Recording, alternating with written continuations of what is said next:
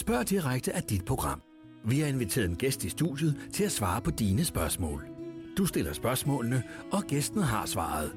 Ingen værter, kun spørgsmål. Stil dine spørgsmål på Facebook, Twitter eller sms. Velkommen til. Hej, mit navn det er Audrey Castaneda, og jeg er lige blevet 50, og jeg er stand-up-komiker og manuskriptforfatter. Og det her, det er mig, der bare sidder i en stol og gerne vil svare på jeres spørgsmål, selvom I burde være ude, fordi vi sender jo live, og det er Danmarks første sommerdag. Så nu er spørgsmålet, hvad laver du indendørs? På trods af, at jeg gerne vil have, at du selvfølgelig stiller mig nogle spørgsmål, så bliver det kedeligt, skal jeg bare sidde og glo i tre kvarter. Det vil jeg ikke. Men det, er det ikke rigtigt nok, at det, der sker et eller andet med mennesker, når man kommer ud, og så mærker den der sådan, årets første forårsdag. Man kan blive lykkelig helt ind i sjælen. Altså, det er ligesom om mad smager bedre, og livet bliver lettere, og det er da måske første dag, man har bare tær i skoene, og man kan også mærke det på andre, ikke? Og sådan en lethed over det hele. Jeg elsker det. Jeg elsker det. Og så synes jeg, at Danmark er et af de mest charmerende lande, når, sol, når, når solen er fremme, og vejret er godt, og man kan se, at alt begynder at spire igen og sådan noget. Så bliver jeg så forelsket i lille Danmark igen, og så tænker, det er fandme verdens bedste land, det her. Nå, men jeg er klar til jeres spørgsmål. Rasmus har stillet det første spørgsmål. Hvem er den sjoveste komiker i Danmark, og hvem er det i udlandet? Godt spørgsmål, Rasmus. Øhm, sjoveste komiker i Danmark. Jeg synes, det er delt op i mange forskellige kategorier. Øhm, øh, Danmark, hvem er sjovest i Danmark? Det synes jeg mange er. Jeg synes også, det kommer an på hvilket show, ikke? Fordi der, altså, Anders Madsen, without a doubt, er en af de største, vi overhovedet har haft herhjemme nogensinde, og kan noget. Han er helt i sin egen liga og boldgade. Men der er nogle shows, som jeg har bedre kunne lide end andres. For eksempel Tal for dig selv er en genistreg uden lige. Øhm, og så har der været nogen, hvor jeg synes, jeg var underholdt, men var slet, det var ikke lige så, altså, revolutionerende som Tal for dig selv. Øhm, glæder mig meget til hans 25-års jubilæumsshow i Royal Arena senere på året. Øh, jeg synes, Christian Fuglendorf, jeg har jo kendt Fugl, siden han var 17 og startede med at lave stand-up, og han er jo bare, altså han er jo bare, han var kropmulig til at starte med, og nu synes jeg også, at han er noget nær et geni. Øh, Michael Schødt synes jeg er en fantastisk politisk komiker, vi har herhjemme, men han er sådan mere en undergrundskomiker, hvis man, hvis man er til den slags. Og um, Linda P. er jo selvfølgelig så, jeg selv er piskæk. Øh, der er mange, altså jeg, kunne, jeg kan også de nye og sådan, altså, jeg synes, det er svært. Jeg synes, man skal, man skal dømme komikere per show, og så synes jeg, comedy er meget personligt. Og med hensyn til udlandskomiker, hvem griner jeg meget? Jeg griner meget af en fyr, som hedder Mitch Hedberg, som desværre er gået bort grund af en heroinoverdosis, men man kan finde alle hans klip på YouTube. Mitch Hedberg hedder han. Jeg griner også meget af Bill Burr, kan jeg rigtig godt lide, og øh, oh, der er så mange. Hvem kan jeg Dave Chappelle kan jeg også godt lide. Jeg kan godt lide... Øh, øh, alle sådan nogen. Gå på YouTube. Tjek det ud. Kig. Find din egen type verdens bedste. Okay. Det var det. Det var det spørgsmål. Tak, Rasmus. Peter, hvor spontan er komiker, er det hele planlagt? Øh, ja og nej. Øh, lige før der talte jeg om Fugendorf. Fugendorf havde på et tidspunkt en periode, hvor han sagde, jeg går på scenen uden at have forberedt noget som helst. Og, så, og det gjorde han.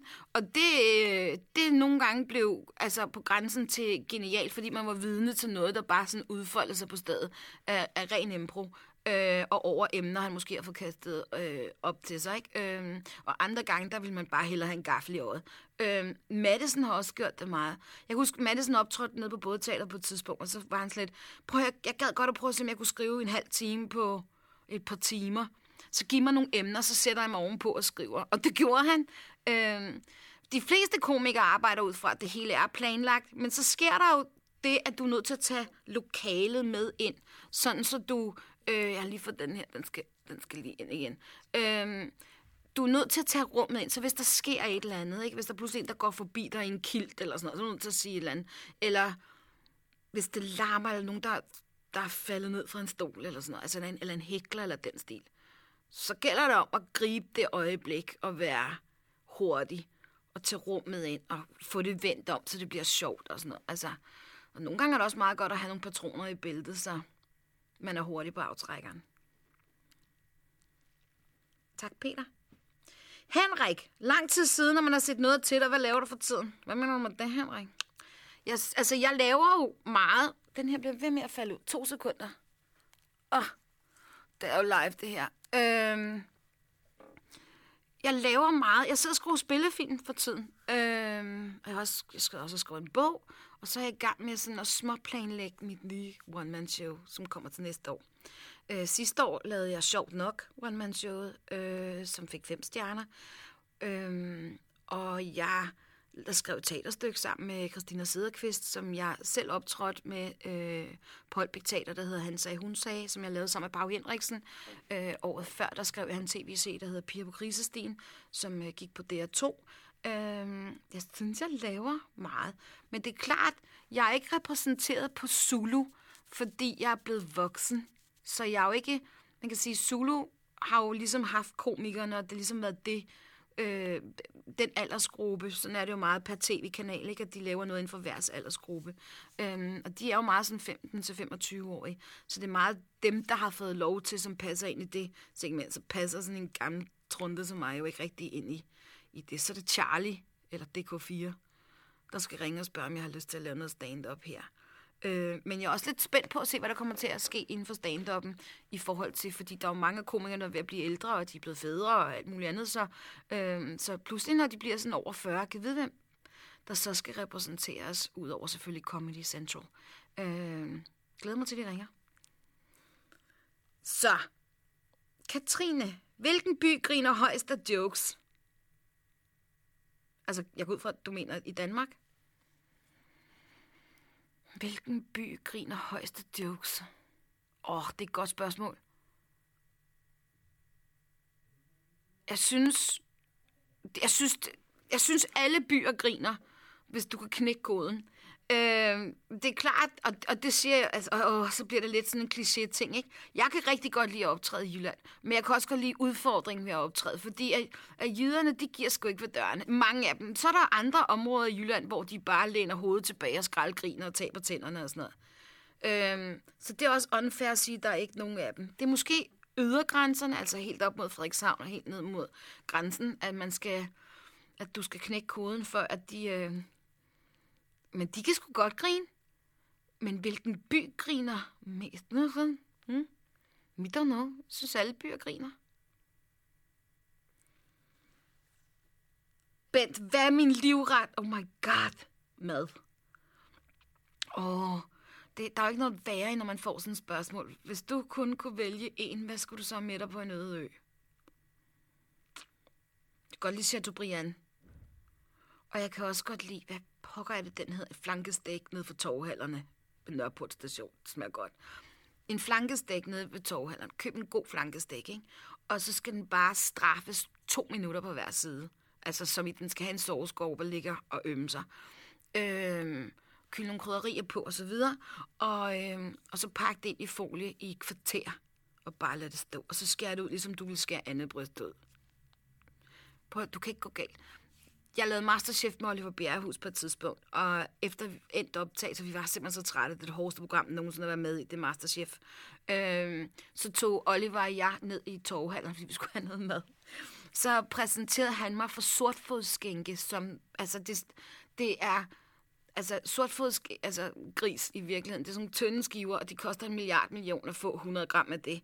Men det, det er en gris, der er gået til ballet, og er blevet masseret, og har fået vin og andet godt i sin mad. Og smager bare guddommeligt og smelter på tungen og sådan noget. Og så lærte jeg ham om flankestik. Og han er sidenhen kommet hen til mig og sagt, Audrey, tusind tak, fordi du lærte mig om flankestik, fordi det er det eneste mad. Selvom jeg glemmer, at det har stået på panden i 40 minutter, så det stadig, kan det stadig godt spises. Flankestik holder 100. Og så alt muligt andet. Jeg er, næsten, jeg er næsten lettere til at sige ting, jeg ikke bryder mig om. Jeg bryder mig ikke om æg nøgne. Altså, æg i brød eller sådan, det kan jeg godt. Men hvis noget bliver ægget, det, altså, jeg, jeg, kan, jeg kan det ikke. Jeg kan ikke duften, og jeg kan ikke smagen af det. Så er jeg ligeglad med, om du scrambler det eller spejlæg eller sådan noget. Det, det skal jeg ikke have. Og champignon, det føles som at tykke på vatrundeller. Jeg har aldrig knækket koden på det der champignon-værk der. Det, det har jeg ikke. Men ellers så synes jeg nu, jeg kan lide dem helt. Tak, Bent. Asger, hvordan startede du som komiker? Det er en ret sjov historie. Jeg har kendt komikerne i mange, mange år. Altså mange flere år, end jeg selv har været komiker. Fordi jeg faktisk startede med at... Op, øh, jeg var danser, jeg er professionel danser i mange år. Øhm, og jeg kendte mange af komikerne derigennem. Så ofte, hvis jeg var på, lad os sige, Aarhus Teater, og der var nogle af komikerne i byen, Uffe Holm eller Thomas Vivl eller nogle af de der, øhm, så, så ringte jeg, hey Aarhus, vi, vi, Aarhus, kommer du ikke ned og hygger? Så vi festede meget sammen, ikke? Øhm, så da jeg selv startede med at lave stand-up, der er en anden komiker, som hedder Sten Molsen, som faktisk er min barndomsven for Tostrup af. Øhm, og Sten og jeg, vi elskede begge to stand-up, og jeg fik ofte nogle fribilletter til talegaver til børn, eller Comedy Sur, og så tog jeg Sten med. Og så besluttede vi os for, at vi godt kunne tænke os selv at prøve. Øhm, så vi gik i gang med at skrive begge to, og så øh, skulle vi debutere 1. maj 2001 inde på Kulcaféen. Øhm, og vi fik Omar Masuk og Mick Øendal til at læse vores materiale for ligesom at hjælpe os med, om, om, om det var godt, det vi havde lavet. Og så kan jeg huske, øh, hans forældre bor stadig i det hus, hvor vi festede, da vi var teenager. Øh, så der tog vi hjem, og så stillede vi så stillede vi potteplanter op rundt omkring i stuen, fordi vi skulle øve os i ligesom at tale til publikum, og det var potteplanterne. Og så havde jeg en ting med, og han havde lånt mikrofon fra sit arbejde af. Så vi skulle også lære at tale i mikrofon. Og jeg havde en ting med, at jeg kunne ikke lide at høre min egen stemme.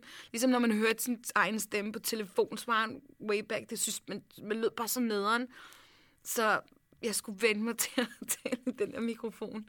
Øh, og så blev aftalen mellem Sten Molsen og jeg, at det var utilgiveligt, hvis vi ikke gjorde det. Og her 17 år senere, så laver vi begge to stadig stand-up. Så det er måden, vi startede. Tak, Asger. Michael, hvordan holder man sin humor opdateret? Det gør man ved, at, at du tager alt ind. Altså, der er sjovt i alt. Og, og også ud fra sig selv. Altså, måder, man reagerer på i visse situationer, øh, som, som kommer bag på en, øh, eller dine omgivelser, eller din hverdag, eller det, du læser i avisen. Der er sjovt i alt. Der er sjovt i misforståelser. Der er, der er sjovt i relationer. Øh, der, jeg har lige været på hospitalet i dag, for eksempel, og skulle til noget kontrolværk. Øh, og det er jo altid sådan en, en lidt kedelig situation, hvor man pludselig bliver så kan du være nok så mange millionærer, du kan være fotomodel, og du kan være verdens højst betalte fodboldspiller. Men i det øjeblik, du bliver bedt om at trække bukser ned og læne dig forover, så er der en mand med en gummihandske, der kan... Så, så sker der altså et eller andet. Øhm. Og det er også sjovt, at selvom man bliver ældre og bliver klogere på livet og den slags, og måske ikke er så dramatisk som før i tiden, så er det sjovt at se sådan noget som ens forfængelighed. Den fejler stadig ikke noget. Altså, om, hvis du pludselig vader ind i en lygtepæl, eller du pludselig falder af cyklen midt i krydset i myldretid, eller sådan noget, der sker noget med dig, inde i dig, hvordan du kommer ud af den situation, som er åndssvagt sjovt. Så alt er sjovt. Øh, og hver eneste dag, jeg tror, det, jeg tror komikere, og også for mit eget vedkommende, vi har sådan et filter, hvor måde vi observerer verden på. Og vi gør det endda uden at tænke over det. Altså, så mange år efter, så er det ligesom om, vi suger alt ind. Alt bliver, altså, Øhm, så for eksempel, at jeg, min telefon lå over i sofaen, og så løb jeg hen for at tage den, og så ville min lille tog den anden vej rundt om stuebordet. Og det gør så altså, det gør ondt på en måde, som man slet ikke kan forklare, ikke? når man tager den der. Altså, og det der er så dumt, det er, hvorfor tager man stadig ikke telefon, for man er jo skide ligeglad med, hvem der er i den anden, den står bare, du ved, altså, så er man ind og skrive ned, når smerten er gået forbi. Så går man lige ind og siger, det skal, det skal jeg lige huske, den der.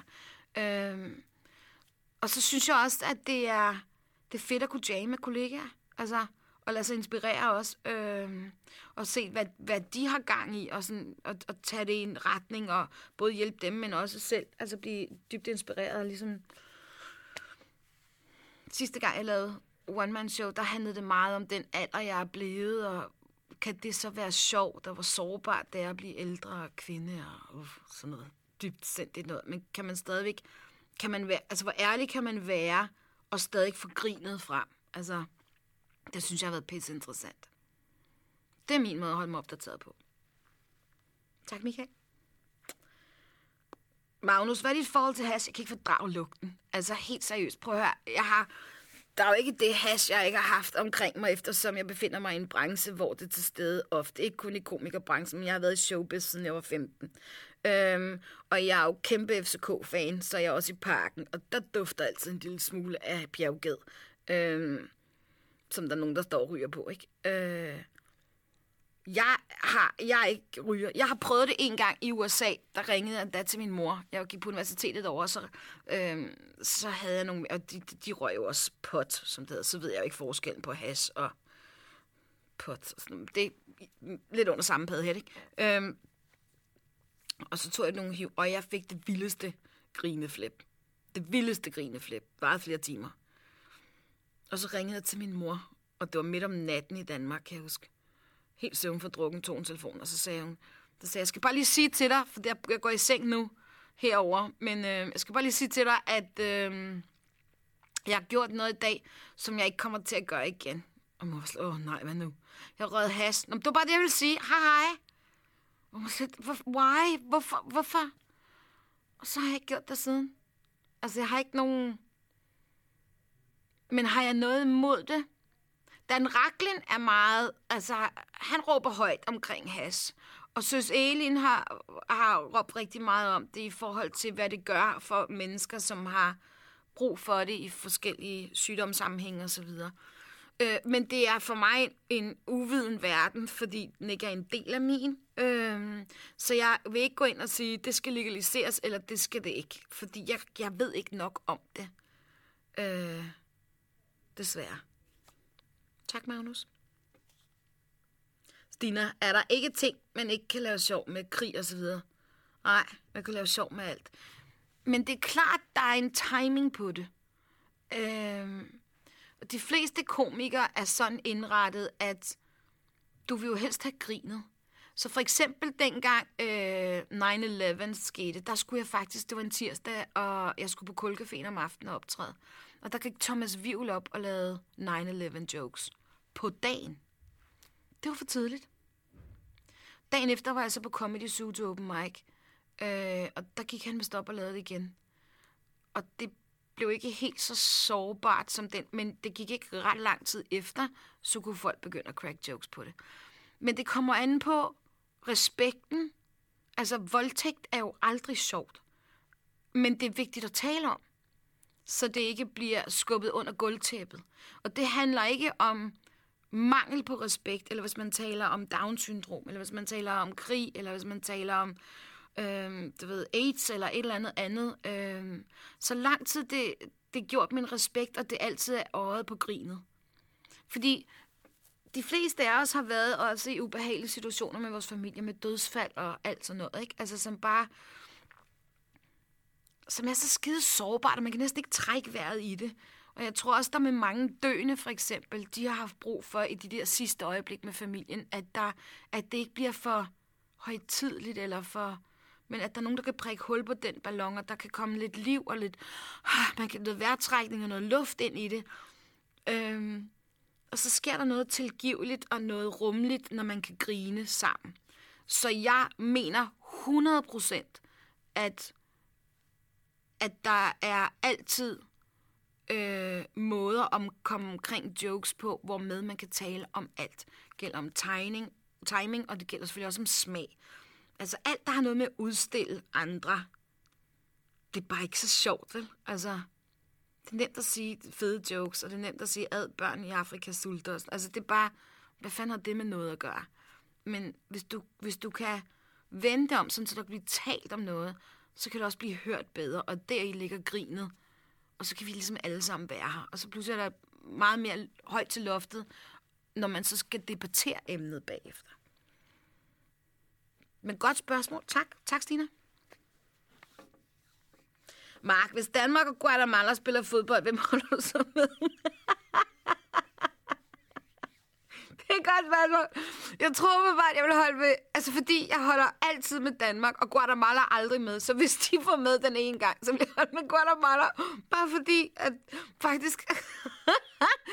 øhm, jeg har øhm, under øh, OL, når de har den der åbningsceremoni, øh, så bliver jeg sgu altid sådan lidt nostalgisk, og man bliver altid sådan, ja, det er mine, ikke? Også mod resten af verden. Og nu bor jeg, altså nu, nu, nu bor jeg jo i Danmark, som er et lille land, men jeg kommer fra et, der er endnu mindre, ikke? Øh, bare med flere mennesker. Øh, Guatemala. Så når man ser de der sådan to flag, så bliver jeg sådan lidt, det er mit hold. Øh, som er lidt sjovt. Øh, men Guatemala vinder aldrig noget. Altså, de, de, de er ikke... Øh, det er de ikke så kendt for. De laver virkelig god majs. Øhm, men de er fandme ikke kendt for... Altså, de spiller meget fodbold og så videre, men, men altså, de er jo ikke ofte med i noget slutspil af nogen slags. Men okay, hvor ville det være stort, hvis Danmark og Guatemala skulle spille. Så skulle du se mig være træfarvet i hovedet. Rød-hvid på den ene og blå-hvid. En lille smule gul på den anden. tak, Mark. Jørgen, hvad er forskellen på en forfatter og en manuskriptforfatter? Well, det er jo bare formlen, hvor med du fortæller historien. Eller formidler historien, ikke? Når jeg skriver for eksempel, øhm, jeg blev jo uddannet danser og uddannet skuespiller. Øhm, og startede på skuespillerskolen, startede jeg med at lave stand-up på mit første år. Og jeg opdagede i alt det, jeg er, at jeg faktisk historiefortæller.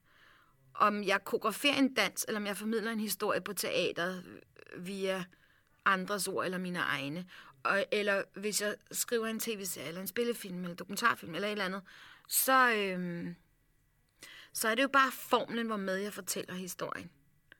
Øhm, så for mig er forfatteren er jo som regel en, der er i bogform, ikke? hvor manuskriptforfatteren er en, der formidler ord til andre. Øhm, og dermed en historie. Men de er jo begge to historiefortællere. Håber, du blev lidt klogere. Det gjorde jeg. Tak, Jørgen. Karin, er det rigtigt, at den danske stand-up-branche er meget kønsdiskriminerende? Mm, nej. Mest nej. Men det har det, synes jeg, været. Ikke hvis du spørger drengene. Hvor, måske nu. Øhm, altså, der er fandme sket meget med stand-up'en herhjemme. Øh, fordi da jeg startede, var der kun Mette Lisby og Mette Frobenius. Øh, og Mette Lisby stoppede ligesom, fordi hun flyttede til udlandet. Ikke? Så så vi hende ikke mere. Og det var inden det første, altså det, i løbet af det første år.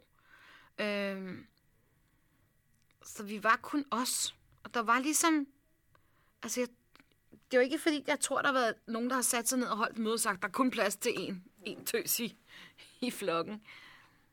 Men det var lidt sådan. Jeg tror også, det var heller ikke særlig sexet at være kvindelig komiker. Altså, det er ikke noget... Det er ikke noget... Øh, øh, på det tidspunkt, hvor stand-up blev enormt populært, så ville alle drengene være... Altså, det væltede ind med folk på open mics, af drenge især, ikke, som gerne ville være komikere, fordi de så Zulu, og øh, tænkte, hvis de kan, så kan jeg også. Og, og det var jo lidt ligesom... Altså, som danser for eksempel, så går du til dans i mange, mange år, før du overhovedet bliver så dygtig, du kommer til en audition. Som stand-up-komiker, så går du direkte fra gaden ind og spørger, om du må få en spot på en open mic. Så det er en anden form for skoling, ikke? Og så er det jo med stand er det jo på scenen, du ligesom bliver skolet i, hvordan du skal være komiker. Øhm, så, så der væltede det ind. Og det har, tror jeg, for det første ikke har virket særlig feminint. Øh, og da jeg startede, var det også... Altså, det var lidt kønsdimensioneret. Og jeg tror, og jeg ved også, at drengene har også selv sagt, at det kan jeg sgu godt forstå et eller andet sted. Men der i ligger der måske også noget kønsdimension. Men diskrimination, det kunne jeg ikke engang sige. Men jeg kan huske, når vi skulle på klubtur, så ville drengene jo helst være sammen med drenge. Bare lidt irriterende, at man skulle have en pige med, ikke? Ikke at jeg tror, at de har ment noget negativt omkring det overhovedet andet end stemningen er jo anderledes. Det ved I jo også selv, hvis det er, øh, hvis I skal med drengene i byen, og så er der en af dem, der slæver pigekæresten med. Det bliver sådan lidt... Nu var der os, der skulle lege. Hvorfor skal hun med? Og det har jo ikke noget at gøre med, at drengene ikke bryder sig om hende. Det er jo bare noget at gøre med, at stemningen bliver en anden, det bliver en anden form for leg. Øhm, så det der med kønsdiskrimination, det er jo en svær snak. Jeg synes, drengene var dårlige til at lukke op for det. Øhm, og jeg synes, de er blevet 100 gange bedre. Der er sket en kæmpe udvikling, og vi er mange kvindelige komikere. Hvert år under Comedy Festivalen, så bliver der holdt, Sanne Søndergaard holder faktisk en stand-up aften, der hedder Kvinder. Og hvert år er der i hvert fald 12-15 kvindelige komikere med. De er skide sjove. Altså, der er virkelig sket noget. Så du kan ikke sige sådan længere. Altså, og jeg ved også, at Ane Høsberg for eksempel, hun arbejder sammen med flere drengene på deres redaktioner og sådan noget. Hvor før i tiden, der var drengene lidt dårlige til at tage piger med på redaktionen, ikke? Det var kun, igen, så er det jo ens venner, man slæbte med ind og lavede noget fjernsyn. Ikke at det er unormalt. Så det er sådan lidt en, jeg tror bare, det er en udvikling, der er sket, og den er klædelig for vores branche. Så vil jeg sige det. Tak, Karin. Så lige, hvad foretrækker du, musik eller film? Øh, hvorfor skal man vælge sådan nogle...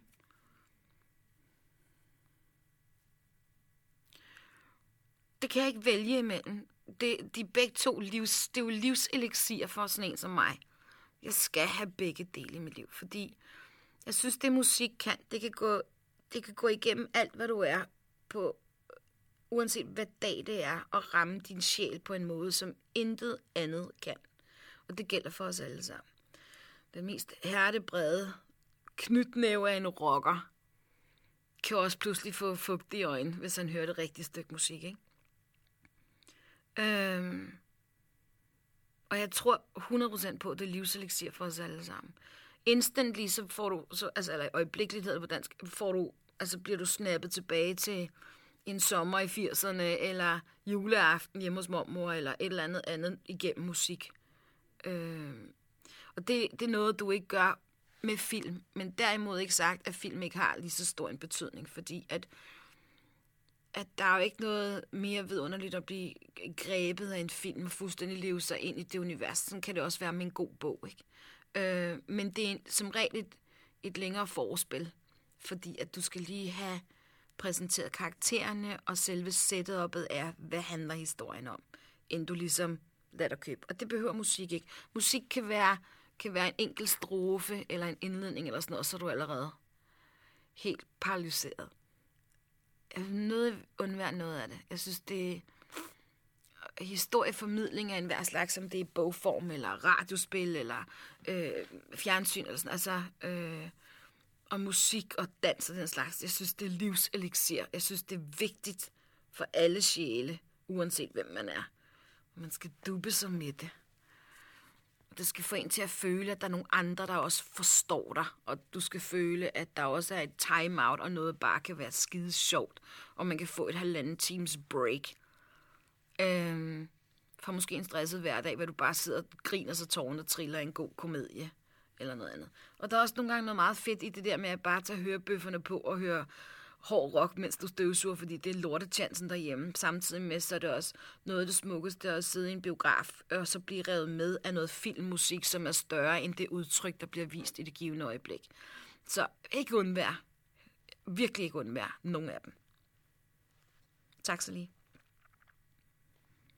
Louise, hvad har overrasket dig mest ved at blive 50? Oh my god, det gift. Prøv her. Det er det vigtigste emne øhm, som kvinde. Nu ved jeg godt, nu er der mange, der siger pokker, så skulle jeg være gået ud og spise den is i stedet for.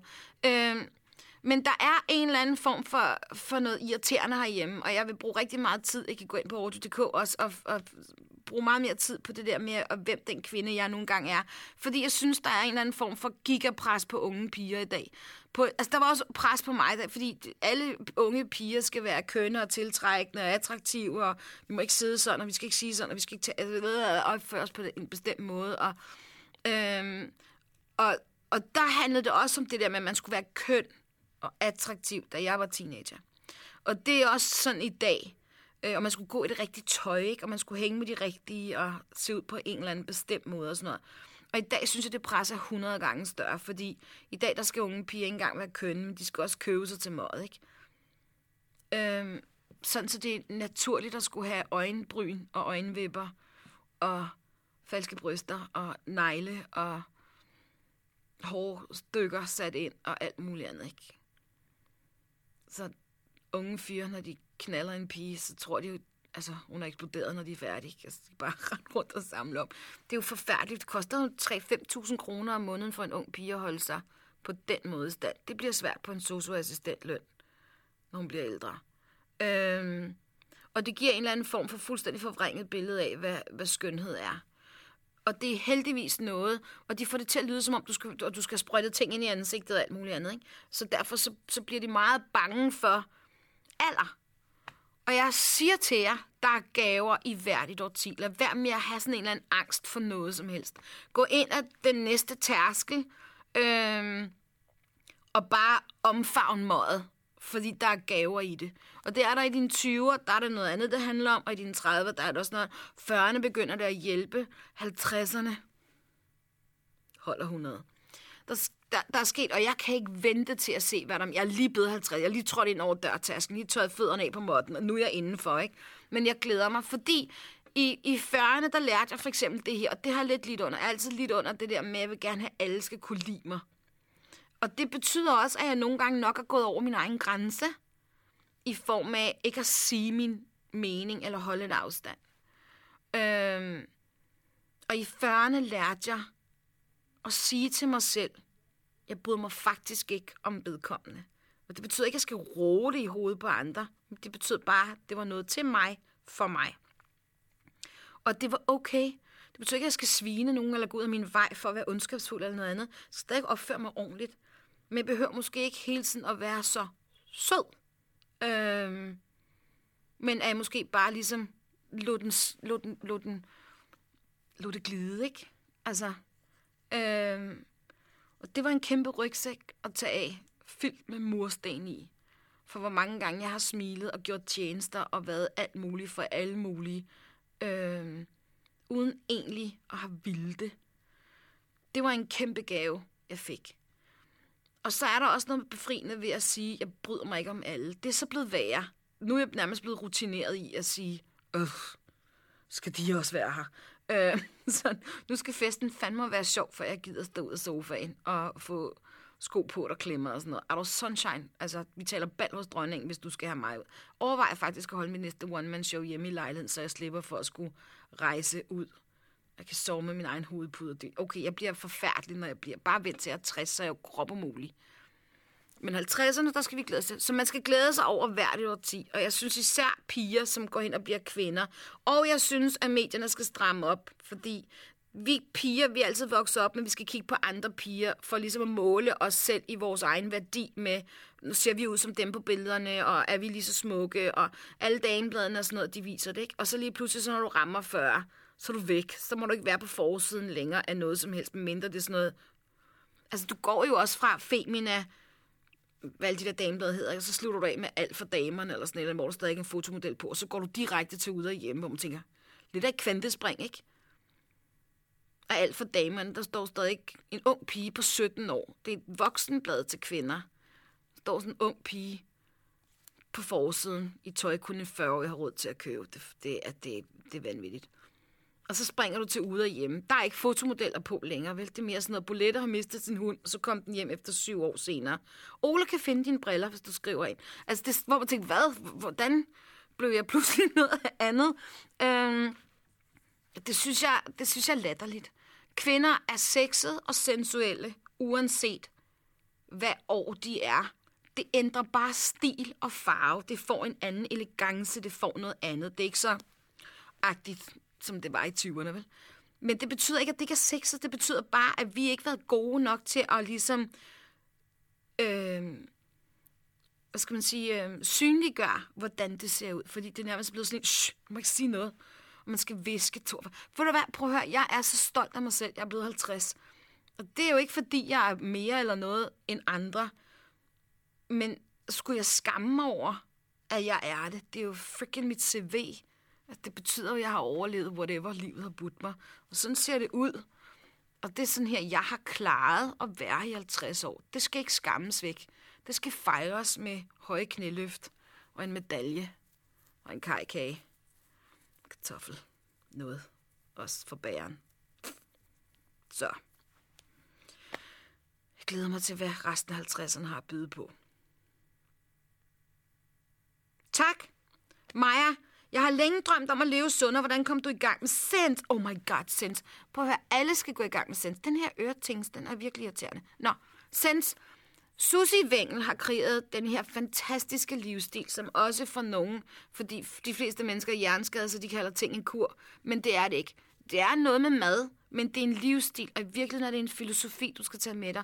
Jeg svæver det verdens bedste, verdens bedste, bedste, bedste livsstil. Det er det bedste, jeg nogensinde har gjort for mig selv. Og tro mig, jeg har været på en kur eller 20. Øhm, det handler om, hvordan du måler de komponenter af mad, forskellige komponenter af mad, som du har på din tallerken. Og sørge for, at der er nok af det til at holde dig med de næste timer, til du skal have mad igen. Gå ind på Google og bare slå op under Senst.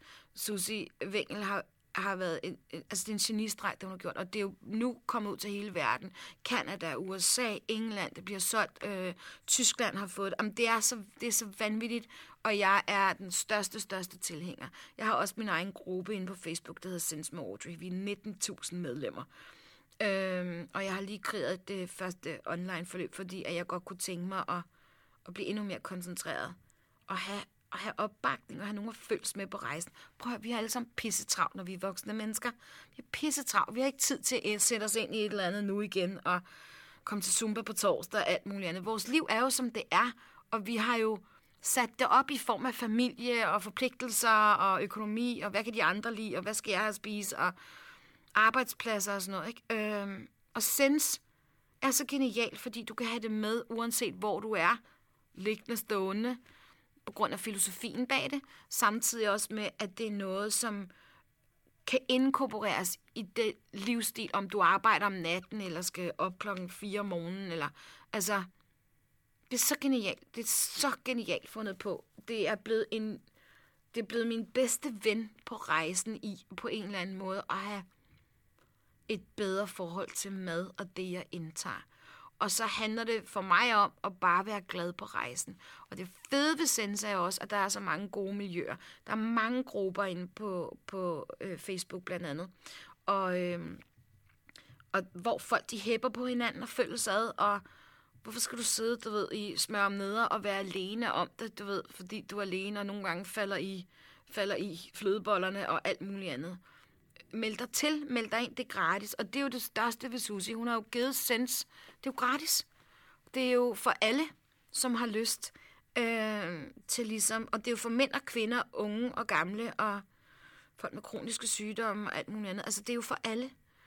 Øh, og jeg kan ikke... Øh, jeg kan ikke understrege nok, hvad det har gjort for mig og ved mig. Men I kan igen tjekke det inde på audio.dk, eller komme ind på Facebook og jeg har en lukket gruppe derinde. En gang imellem lukker jeg nye mennesker ind. Øhm, og hvad hedder det? Øh, ja, gør det.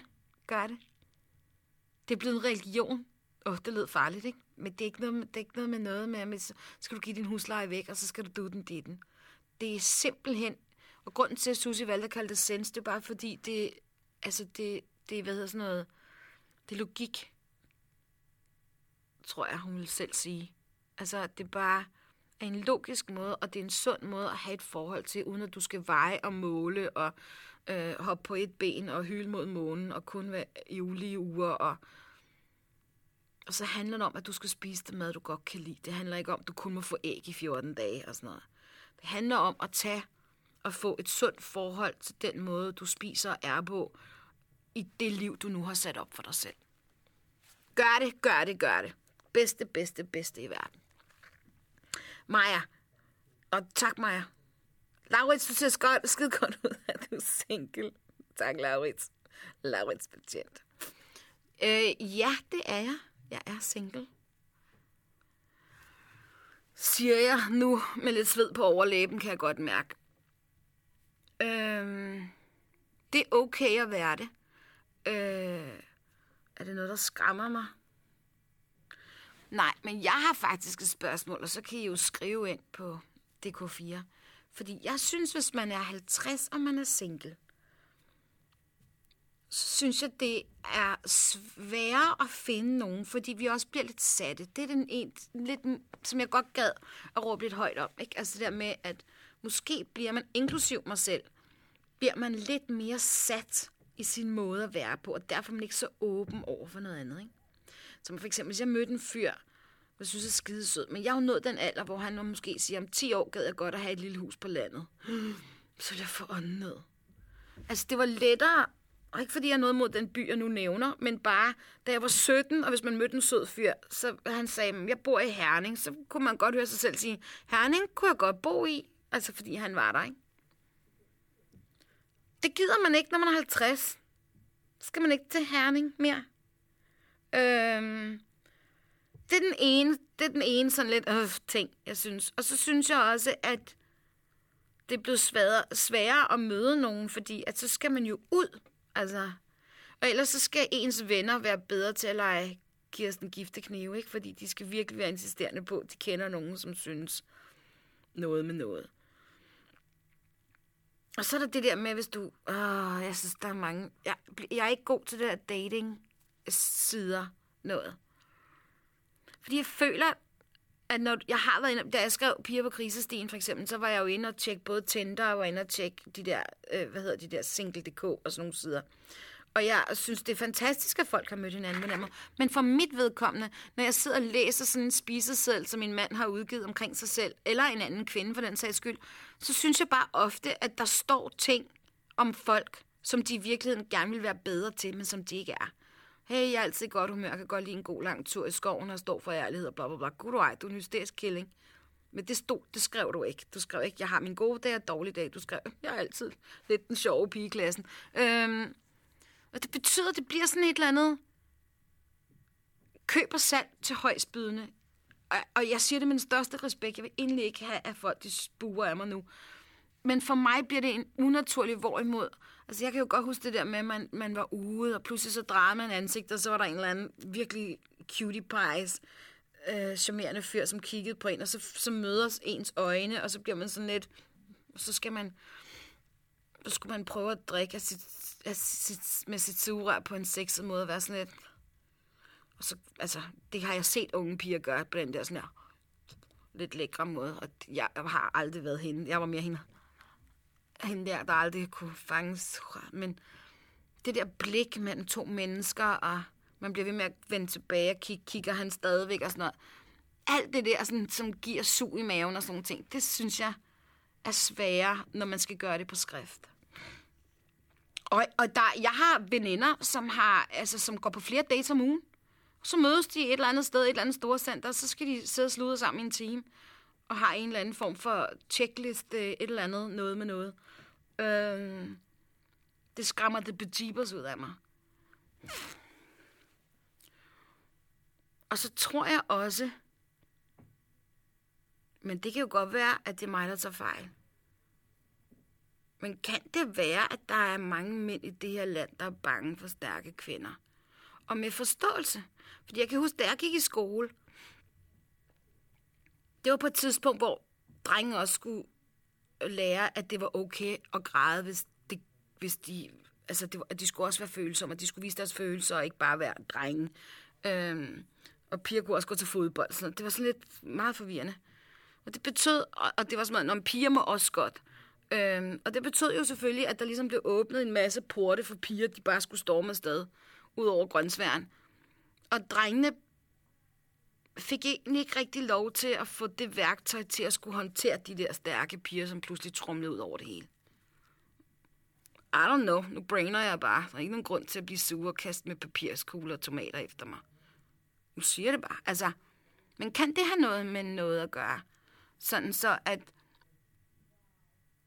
at måske at kvindelige komikere kan godt komme til at virke, som om man står lidt på hjernens plads og bestemmer, om alle i salen skal grine. Det bliver lidt sådan en hun har garanteret en ordentlig strile, ikke? Hmm? Så det bliver jo sådan noget med, at jeg skal til, måske til Grækenland eller sådan noget, og gå frem og tilbage på en strandkant og være sådan lidt... Hele tiden miste min frisbee i håber, om, at nogen der gider finde den for mig. Og så kigger vi på hinanden, og så siger han, vil du ikke have noget fetaost og en frokost? Ja, så jeg er single med, med, med, hvad hedder sådan noget, med forventning om, at der sker noget på et tidspunkt, som slår benene væk under mig. Det gad jeg godt. Men fanden gad ikke det? Ja. Altså, nu vil jeg jo sige Rachel, men det kan også være Rachel eller Rakel. Jeg ved ikke. Hvad er det pinligste, du har oplevet? Oh my god, jeg har oplevet meget pinligt. Åh, oh, jeg har lavet så mange. Jeg har, jeg har faktisk engang fortalt det her på TV2, der lavede de sådan et eller andet her i dit liv, hvor jeg var med. Øhm, og jeg husker det bare så... Ej, jeg har lavet så mange pinlige, virkelig pinlige. Altså, altså det, der er lidt sjovt ved noget, der er pinligt, ikke? det er selvfølgelig det er altid en sjov historie, men samtidig er det også noget, det, hvor man stadig kan mærke det der øh, øjeblik. Men som, da jeg var mm, altså teenager og sådan noget, så var jeg også model og øh, gik mange modeshows og sådan noget. Og øh, så skulle jeg gå ind i Tivoli inde på plænen. Og der var, altså, der var, pro- det var sådan en sommerdag som i dag, ikke? Altså proppet med mennesker i Tivoli.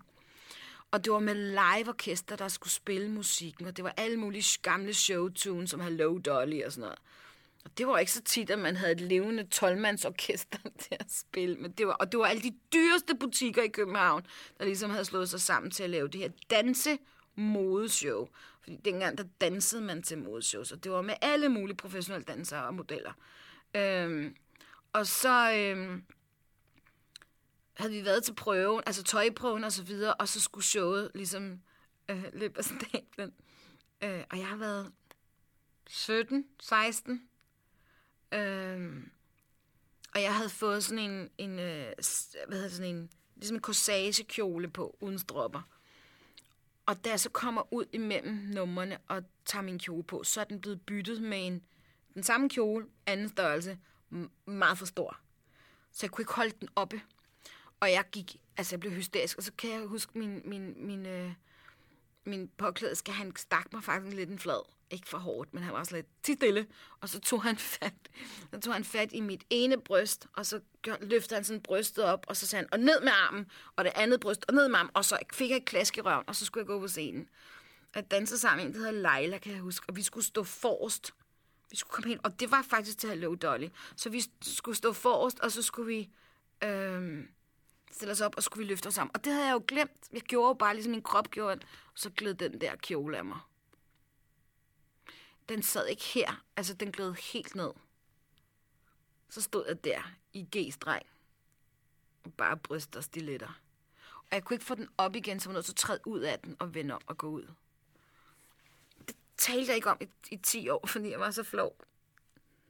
Jeg har også tabt min BH på scenen en gang i Grækenland. Ah, men jeg har lavet så mange.